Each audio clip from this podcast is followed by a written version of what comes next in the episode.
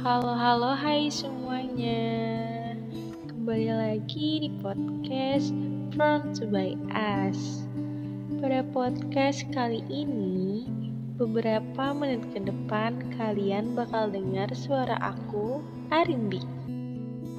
By the way, kalian suka ngerasa perubahan mood secara cepat gak sih?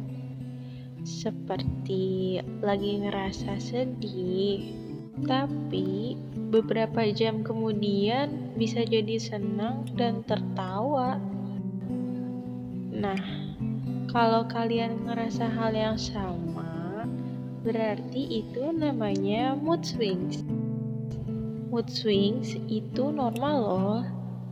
Hal tersebut sering dirasakan oleh setiap manusia jadi, kalian jangan merasa sendiri ya. Mungkin hal yang sering dirasakan seperti hari ini nih, kita merasa hebat dan bisa mengerjakan segala pekerjaan. Tetapi tidak sampai sehari kita merasa lelah dengan segala hal di depan mata. Nah, di balik alasan yang ada, kalian harus peka dan aware terhadap pemicu mood swings yang kalian alami. Karena rasa bahagia, kecewa, sedih, letih, dan emosi lainnya yang kalian rasakan secara cepat itu hanya kalian yang bisa tahu pemicunya dan menyadari bahwa kalian juga manusia yang mempunyai titik lemah. Jika kalian merasa panik dan cemas akan hal tersebut, itu merupakan salah satu tanda bahwa kalian kurang mengenal diri kalian sendiri. Terima emosi yang kalian rasakan. Jangan lawan dengan alibi ketakutan. Justru kalian akan sulit mendapatkan ketenangan. Seperti lagu Growing Up dari Rara Sekar.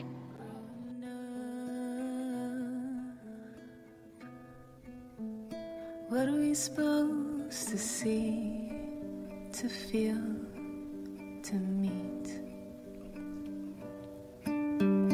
Growing up,